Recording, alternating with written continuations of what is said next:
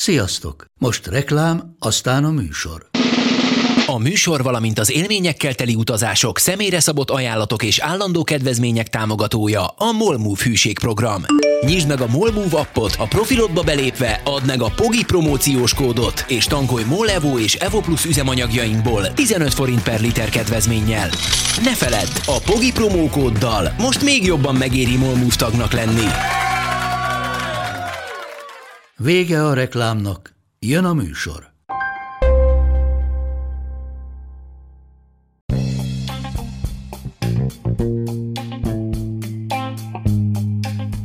Ez itt a Pogi Podcast. Pogácsa Zoltán közgazdás, szociológus, politikai gazdaságtani podcastja a globális gazdaságról a klímaválság, az automatizáció, a digitális gazdaság, az egyenlőtlenségek és a posztdemokrácia korszakában. Ismert módon Joe Biden, amerikai elnök javasolt egy globális minimáladót, amelyet a világ legtöbb országa elfogadott, de néhány ország, és köztük Magyarország is élesen ellenzi azt. A mostani epizódban kis Ambrus politológussal arról beszélgetünk, hogy tulajdonképpen mi az a két modell, amely az alacsony adóval való versenyzés és a jóléti állammal, a humántőkébe való befektetéssel kíván versenyezni a világban. Melyik a magyar modell ezek közül, és miért értelmetlen sőt káros ellenállni a globális minimáladónak. Ezt boncolgatjuk, és a végére még egy kicsit arra is kitérünk, hogy mikor lehet bevezetni az eurót Magyarországon, és mi alapján lehet azt eldönteni, hogy mikor lehet bevezetni.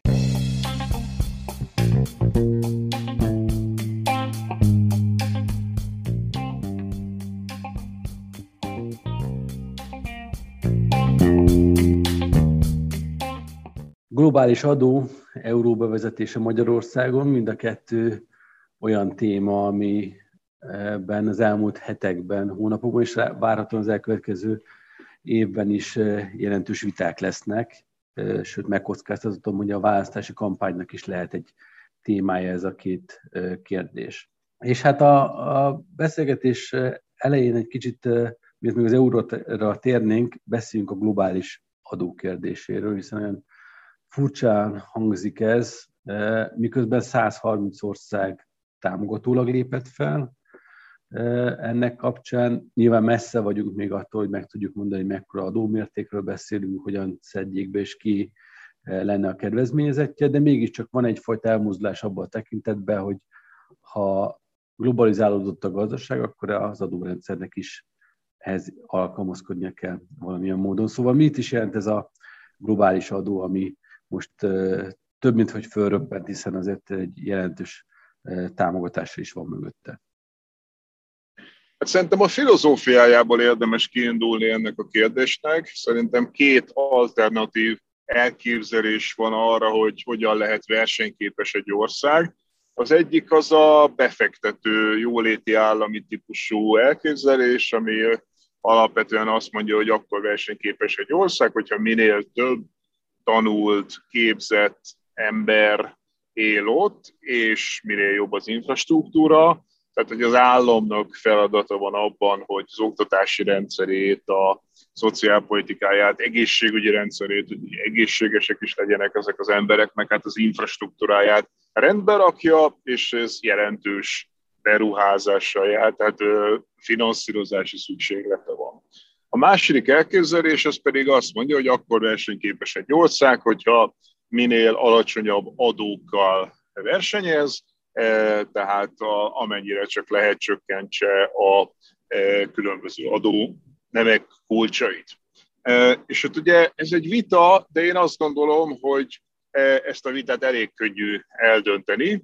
Egyszerűen meg kell nézni, hogy melyik típusú országban megy több külföldi működőtőke, például azokba, ahol jól megfinanszírozott, jól működő állami alrendszerek vannak, humántőke képző alrendszerek, infrastruktúra képző alrendszerek, mint például Skandinávia, e, vagy Nyugat-Európa nagy része, Kanada, vagy olyan országokba, amelyek alacsony adókkal versenyeztek az elmúlt évtizedekben, például Magyarország, vagy Kelet-Európa, nagy része, és hát hogyha az ember megnézi az UNCTAD-nak, az ENSZ fejlesztési szervezetének erre vannak évről évre konkrét adatai, és teljesen világosan látszik, hogy az előbbi csoportban, tehát a jóléti humántőke építő csoportba lényegesen több külföldi tőke megy, és azt gondolom, hogy ez eldönti a vitát, tehát az első modell az sokkal jobb, mint a második, és hát a második modellnek van egy olyan,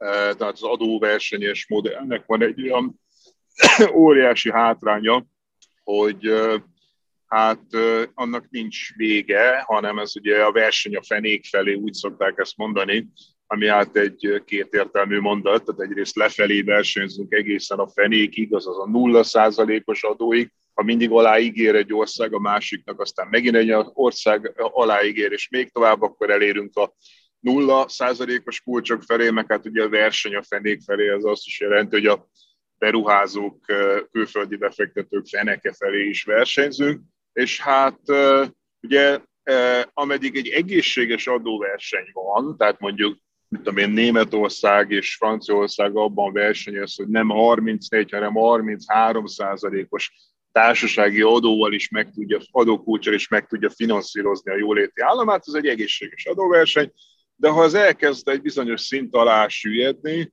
akkor biztos, hogy nincs olyan állam, amelyik ebből a nagyon-nagyon alacsony adókulcsból képes lenne megfinanszírozni az érdemi működését, és hát ilyen államokkal tele a világ, tehát ugye az offshore országok a legismertebbek, de hát konkrétan Magyarország is már ezekkel versenyez, e, és hát ugye itt jön be, hogy Biden elnök Amerikában végre nagyon hosszú idő után meg akarja lépni azt, amit a ezzel foglalkozó szakirodalom, meg civil szakértők már nagyon régen mondanak, hogy erre az a meg, egyik megoldás, hogy kell egy globális adókulcs, egy legalsó kulcs, mondjuk a társasági adóban, ami alá senki nem mehet, illetve ha megy, akkor a másik ország, aki veszít az adóban, az behajthatja a különbözetet, tehát nem éri meg tulajdonképpen alá menni ennek az adókulcsnak. Szerintem nagyjából ebben lehet összefoglalni ezt a,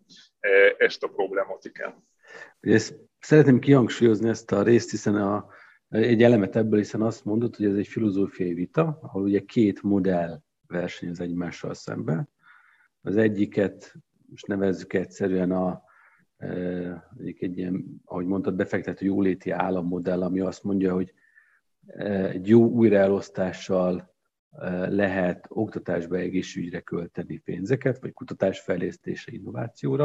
A másik modell meg arra épül, hogy hát alacsony adók, ebből következőleg kisebb az újraelosztás mértéke, viszont cserébe akkor abban reménykedik, hogy majd külföldi működőtőket települ le az országba. De a második modell nem titkoltan a magyar modell, hiszen ennek kapcsán a teljesen egyértelmű volt a magyar kormány álláspontja, aki azt mondta, nem véletlenül a Svájccal való, svájci pénzügyminiszter való egyeztetés után azt mondta Varga Mihály, hogy az adóversenyre épülő magyar gazdaságnak nagyon rosszat tenne, hogyha egy ilyen globális minimum, minimumadó kerülne bevezetésre. És ugye azt szokták mondani, hogy hát de hát miért probléma az, hát alacsonyabb adó, kevesebbet kell befizetni, hát ez sokkal jobb mindenkinek. Egy kicsit ez a mondás került most elő a, az elmúlt hetekben, amikor a, ugye nem a globális minimumadónál, hanem a progresszív adórendszer kapcsán felvetődött, hogy hát valaki lennének olyan társadalmi csoportok, akiknek többet kellene adózniuk az újraelosztás reményében, mire a konzervatív válasz az volt, hát de hát alacsonyabb adókra van szükség, és adókat kell csökkenteni, sőt, ugye ennek kapcsán az állami számvevőszék elnöke megszólalt, aki azt mondta, hogy tulajdonképpen nem is kellene személyi jövedelemadó, nulla kulcsosnak kellene lennie, hiszen úgy is lehet működtetni egy országot. A, a, ennek kapcsán ugye jól látszik, hogy a kettő ez egy teljesen eltérő narratívára épül.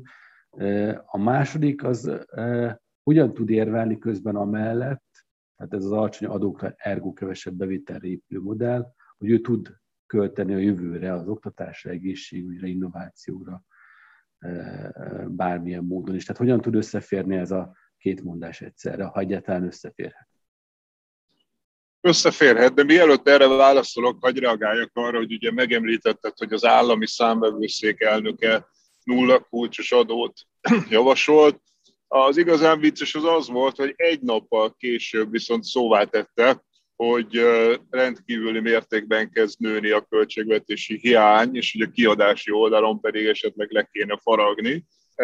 Csak éppen a kapcsolatot nem találta meg a kettő között, ami evidens, tehát hogyha a bevételi oldalon nem lesz elég bevétel, nulla kulcsos adó lesz, akkor a kiadási oldalon is nyilvánvalóan faragni kell, hiszen akkor ugye nő a, a, a hiány, hogyha a bevételi oldalon nem szedjük be az adókat.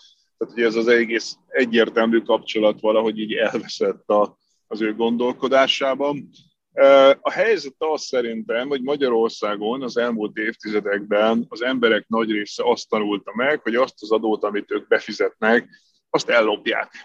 Tehát van egy nagyon sajnálatos helyzet, hogy a magyarok úgy gondolnak az adóra, és én ezt abszolút megértem, mert hogy ráadásul azt gondolom, hogy nem is nagyon tévednek, tehát szerintem elég reális tapasztalat, hogy az adónak egy nagy részét ellopják. Persze nem az egészét, mert hogyha ez így lenne, akkor ugye nem épültek volna Magyarországon autópályák, nem működne a oktatási rendszer, stb., de hogy ugye azt tapasztalják az emberek, hogy hát azért ezek az állami rendszerek elég rosszul működnek, és hát köztudott, hogy jelentős pénzeket lopnak el a büdzséből. Én azt gondolom, hogy óriási szükség lenne arra, hogy végre legyen egy kormányzat, amelyik bemutatja, hogy egyrészt mit mire költünk, másrészt, hogy lehet jó alrendszereket működtetni Magyarországon.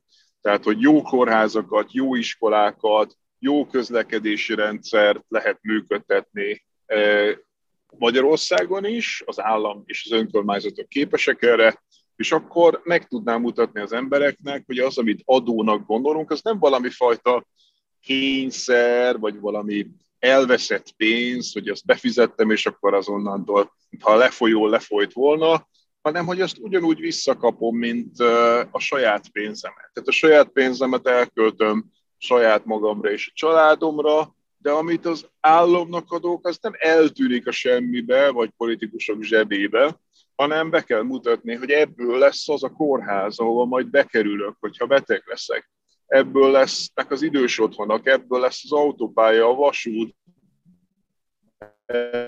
és ezek tudnak jó minőségűek lenni más országokban, akkor Magyarországon is tudnak. Tehát szerintem írtózatosan fontos lenne hogy, eh, hogy megértessük az emberekkel, hogy ha nem szedjük be az adókat, ugye könnyű azt mondani, hogy hát a lopásra az a legjobb megoldás, hogy akkor be se fizessük az adókat, és hát ugye vannak libertáriánusok, akik ezt mondják gyakorlatilag, hogy a, a legjobb megoldás, hogyha be se fizetjük, mert akkor nem tudják ellopni. De hát ugye ezzel az a baj, hogy akkor ebből biztos, hogy rossz ország lesz. Tehát az az ország, amelyik e, ugye az Magyarországon azért elég egyértelműen probléma van az emberek releváns tudásával, nyelvismeretével, képzettségével, de a vasúti rendszerünk is rossz állapotban van, közösségi közlekedésen is lehetne javítani, az egészségügyi rendszer romokban van, rendszert is lehetne javítani, tehát hogyha nem költünk ezekre, akkor Magyarország biztos, hogy a lemaradó országok között lesz, Magyarország biztos, hogy az óriási egyenlőtlenségek hazája lesz, tehát ha es, meg se próbáljuk értelmesen elkölteni az adókat, akkor az eleve egy vesztes szituáció. Ehhez képest persze nehezebb az, hogy beszedjük az adókat, és megpróbáljuk bebiztosítani, hogy azok értelmesen és hasznosan legyenek elköltve, de én erre mindig azt szoktam mondani, hogy a buddhisták szokták mondani, hogy a nehezebb út az igazi út. Tehát nyilván a könnyebb út az, hogy be se fizessük az adókat, de az, az eleve egy vesztes út. A, annak, hogy a globális adó megvalósuljon, ehhez nyilván azért a minden tagállamnak, minden országnak kell a jóváhagyás, és az adórendszerek azok még az Európai Unión belül is nemzeti hatáskörök, de hát, az összes országot nézve, ami szinte mindenhol nemzeti hatáskör. Hogyha valaki kimarad ebből a rendszerből, az nyilván beborítja ennek a szisztémáját, hiszen ő akkor egyenlőként önállóan adóversenyt csinál. Tehát meg lehet -e ezt úgy csinálni, ezt az egész globális adót, hogy, hogy vannak belőle kimaradók, és potyautasként e, ezáltal haszonélvezői a rendszernek. Eddig így volt egyébként, amit mondasz, hogyha valaki aláígért, akkor az egész rendszer beborul, de most ezben a javaslattal, amivel a Bidenék élnek, itt ez nem megvalósítható, mert ugye az lenne a rendszer, hogyha egy adott ország aláígérne a, már egy adókulcsban, alacsonyabb adókulcsban a globális minimumnak, akkor a vesztes országok, tehát akitől az adót elszívja, a vesztes országoknak joga van egyfajta kompenzációs adókülönbözetet kivetni. Tehát mondok egy matematikai példát, ha mondjuk 17% teszem azt a globális adó, és valaki mondjuk 10%-osra leviszi az adókulcsát, akkor a vesztes országnak, ahonnan elszipkázza a pénzt, ott lehetősége van, joga van 7%-i különbözetet beszedni, és innentől fogva nem nagyon éri meg a vállalatoknak ebbe a 10%-os kulcsú országba menni, mert hát ott befizeti a tizet, de a másik meg beszedi a hetet, akkor ennyi erővel lehetne abba az országba is, ahol egyébként mondjuk ténylegesen van. Ez fontos, hogy ezeket tovább is az államok szedték be, ezeket az adókat, tehát nem valami absztrakt helyre kerülne be, valami globális kasszába, és onnan van egy újraelosztás, hanem ezt tovább is a tagállamok gyűjtenék be az adókat. Így van, tehát az, hogy globális adó, az nem azt jelenti, hogy valami globális nagy kalapba adjuk be, hanem ezek továbbra is nemzetállami szinten vannak, csak megpróbáljuk azt megakadályozni, hogy, hogy valaki az aláígéréssel versenyezzen. És akkor nézzük a második témát, ez az euró kérdése. Ennek kapcsán beszélgettünk már itt az új egyenlőség podcastben is, illetve voltak írások az új egyenlőség oldalán is. És ebben a tekintetben, mintha az elmúlt időszak változtatott volna akár a te is ennek kapcsán, hiszen mint hogyha az Európai Unió válságkezelése más jeleket mutatna, mint 2008-ban, ami ugye egy nagy tapasztalat és tényváltozás. Másrészt pedig, hát akár a Magyar Nemzeti Bankra gondolva, hogy ott is lenne egy olyan gondolkodás, ami az euró bevezetésének a hasznosságát tárja fel. Miért gondolod, de egyrészt hol tartasz most ebben a, a történetben, és, és igaz-e ez a változás, amit, amit én most megelőlegeztem az Európai Unió válságkezése szempontjából, hogy 2008 és 2020-21 között ég és föld a különbség? Igen, hát nagyjából az volt eddig a felállás, hogy Magyarországon hát a liberális közgazdászok ugye hosszú idő óta gyakorlatilag amióta az euró létezik, azóta az azonnali belépés sürgették. A Fidesz közeli közgazdászok azok az elodázás pártján voltak, ez a belépünk majd egyszer, hisz kötelezően vállaltuk, hogy ezt majd megtesszük, de nem kell ezzel sietni, ergo a világ végéig lehet ezt halogatni.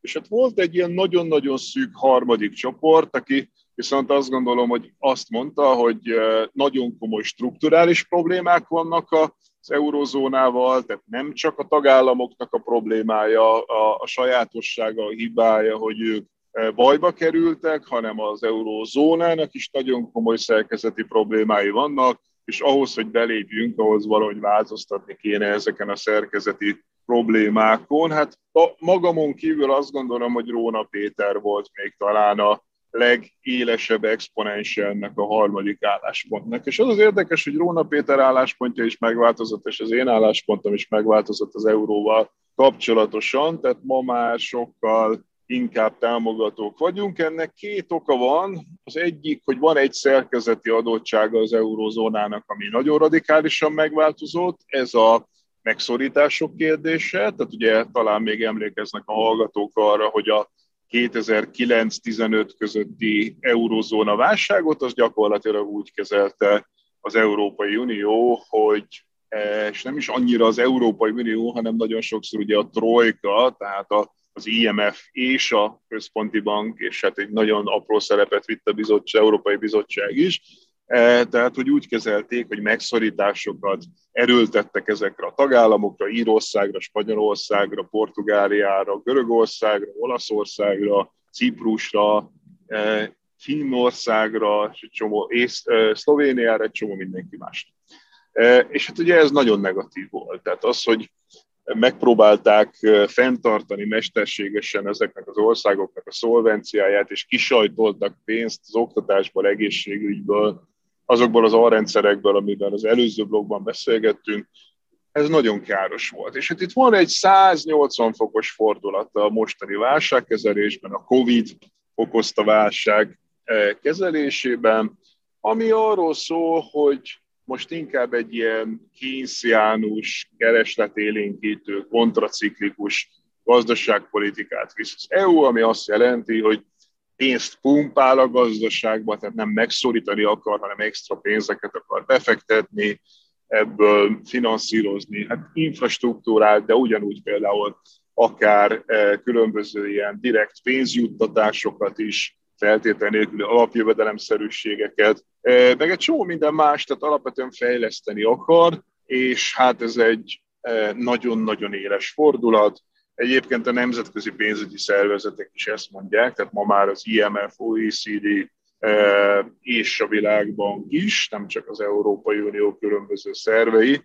Tehát itt van egy éles paradigmaváltás. A másik ilyen szerkezeti adottság, az pedig a pénzmennyiséghez kötődik, a monetáris politikához, ahol hát nagyon konzervatívan indult a dolog, és hát a mostani válság alatt eljutottunk oda, hogy a pénzmennyiség bővítésével kezelik a válságot, ami szerintünk alapvetően azért egy jó irányzat. Nyilván vannak, akik azonnal elkezdenek rettegni, hogy ja Istenem, az infláció.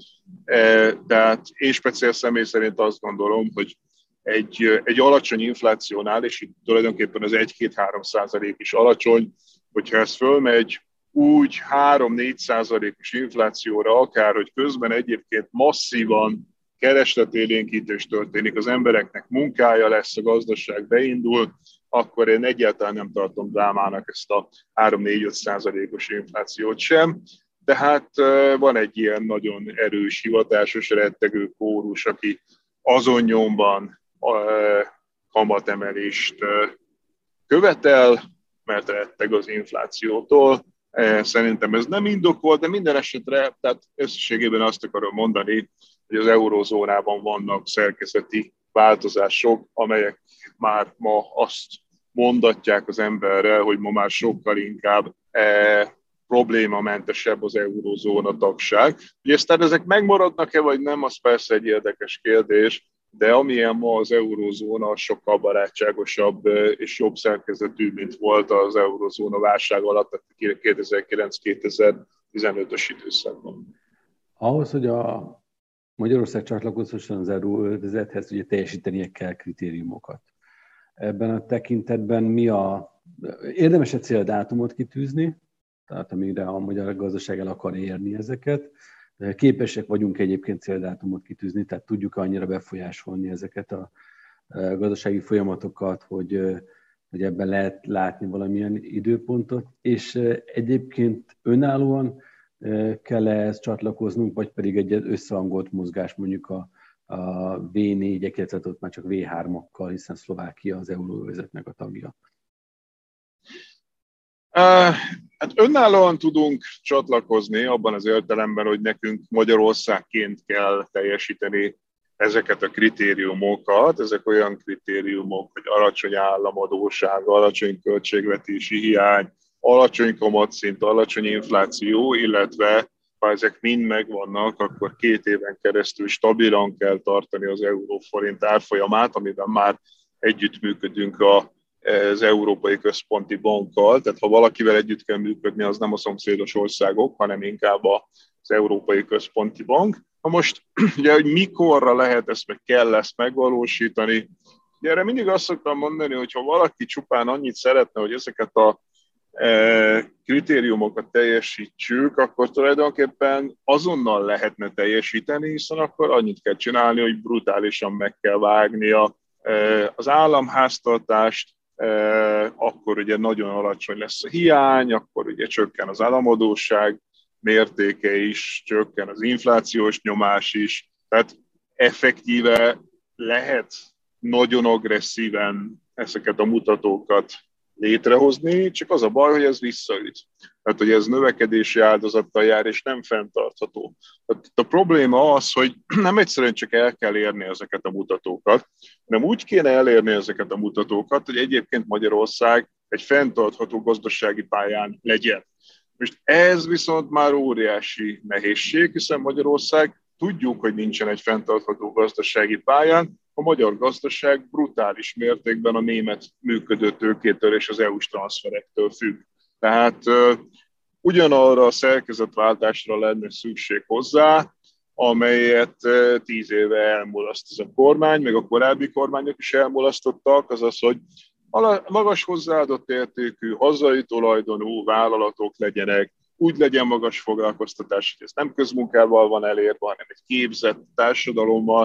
Tehát tulajdonképpen ugyanarra a váltásra lenne szükség az euró célek, célok eléréséhez is, kritériumok eléréséhez is, amire általában szükség van. Tehát ezért mondja Róna Péter, és én is szoktam mondani, hogy amit a jegyban kitűzött, ami egy sokkal striktebb, szigorúbb kritériumrendszer, hogy alapvetően közel kéne kerülni az Európai Unió fejlettségi szintjéhez, az MNB-nél ez a 90% az EU-s átlagnak, az nem egy ilyen légből kapott valami, hanem itt ugye van egy olyan probléma, hogy hát ha az egy fejlettebb gazdaság lenne, akkor sokkal jobban együtt mozognának a gazdasági ciklusok is, és akkor a kamat problémák is megszűnnének, nem lenne más növekedési pályán Magyarország, mint a centrum.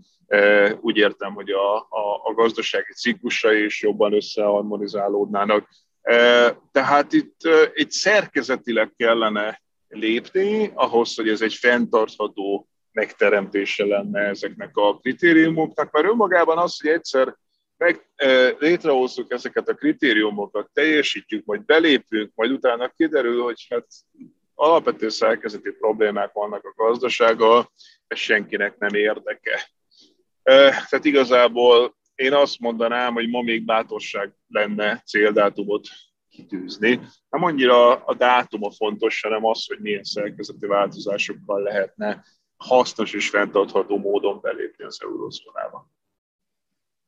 Ebben a kérdésben, hogy említetted a Nemzeti Bank álláspontját, és ebben, mint hogyha valami változás lent volna az elmúlt időszakban, ugye ezt, ha ilyen kremlinológiával néznénk, akkor elkezdhetnénk boncolgatni Matolcsi, György és Varga Mihály viszonyrendszerét, de szerintem érdemesebb egy kicsit komolyabban menni ezt a dolgot, és itt intézményrendszerekről van mégiscsak szó, és a Nemzeti Bank azért ez egy komoly intézményrendszer.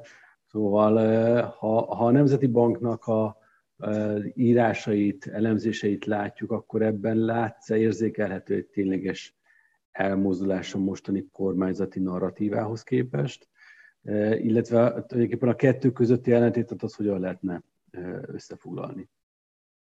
Én itt külön választanám a Nemzeti Banknak a stábját és a Nemzeti Banknak az elnökét, mert hogy a stáb az folytatólagosan egy nagyon magas színvonalú munkát végzett, tehát ott mindig is az eurózónával kapcsolatos elemzések is nagyon magas színvonalúak voltak, és hát a kormány munkájával kapcsolatos kritika is hosszú-hosszú évek óta nagyon releváns és nagyon pontos.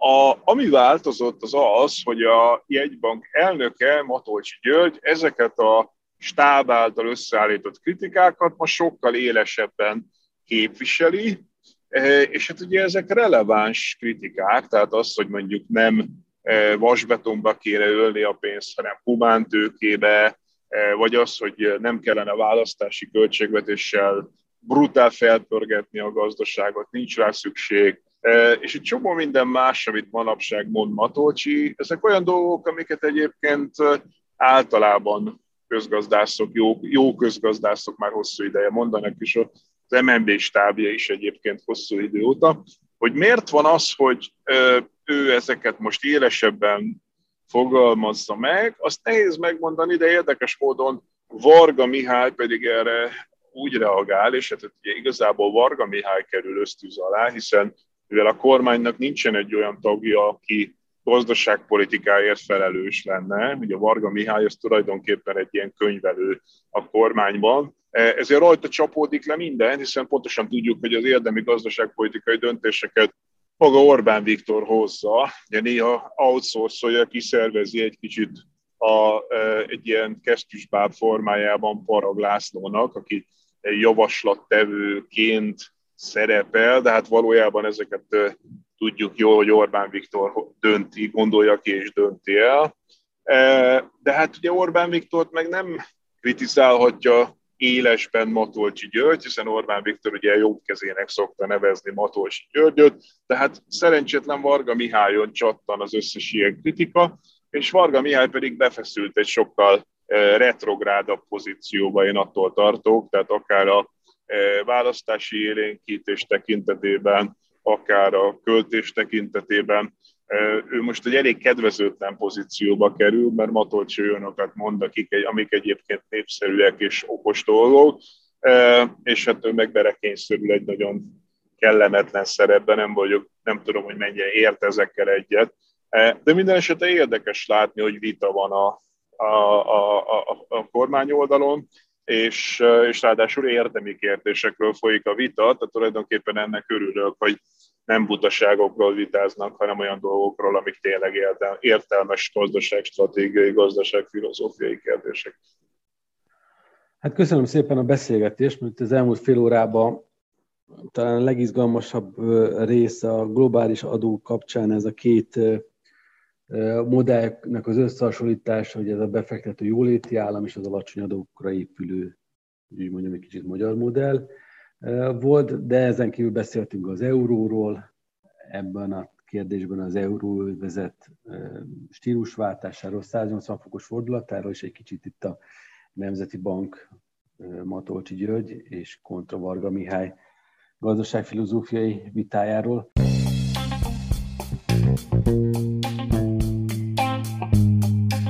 Ez volt ma a Pogi Podcast. Ha vitába szállnál az elhangzottakkal, vagy témát javasolnál, keresd a Pogi blog oldalt a Facebookon.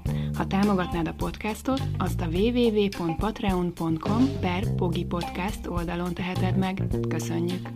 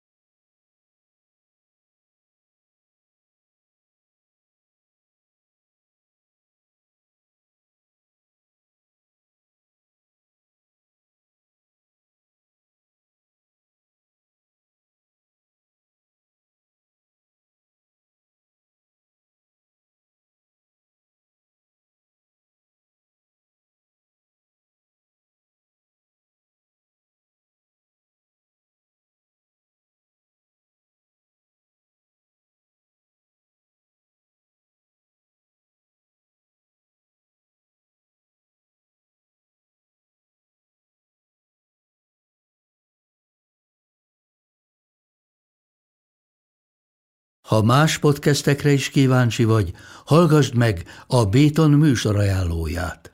El tudod képzelni, hogy a podcastet, amit éppen most hallgattál, fél év múlva már a mesterséges intelligencia generálja? Mi sem. De ha érdekel, eljötte már a gépek lázadása. Hallgass bele az Embertelen podcastbe. Orsós Lajos vagyok, a műsor házigazdája. Egyelőre még élőben. Egyelőre. Fedezzük fel együtt, hogyan ismerkedik, randizik, mesél és vitatkozik Betty és Péter, két teljesen mesterséges intelligencia. Lajos, a podcast címét mond még egyszer, Léci. Oké. Okay. Embertelen podcast.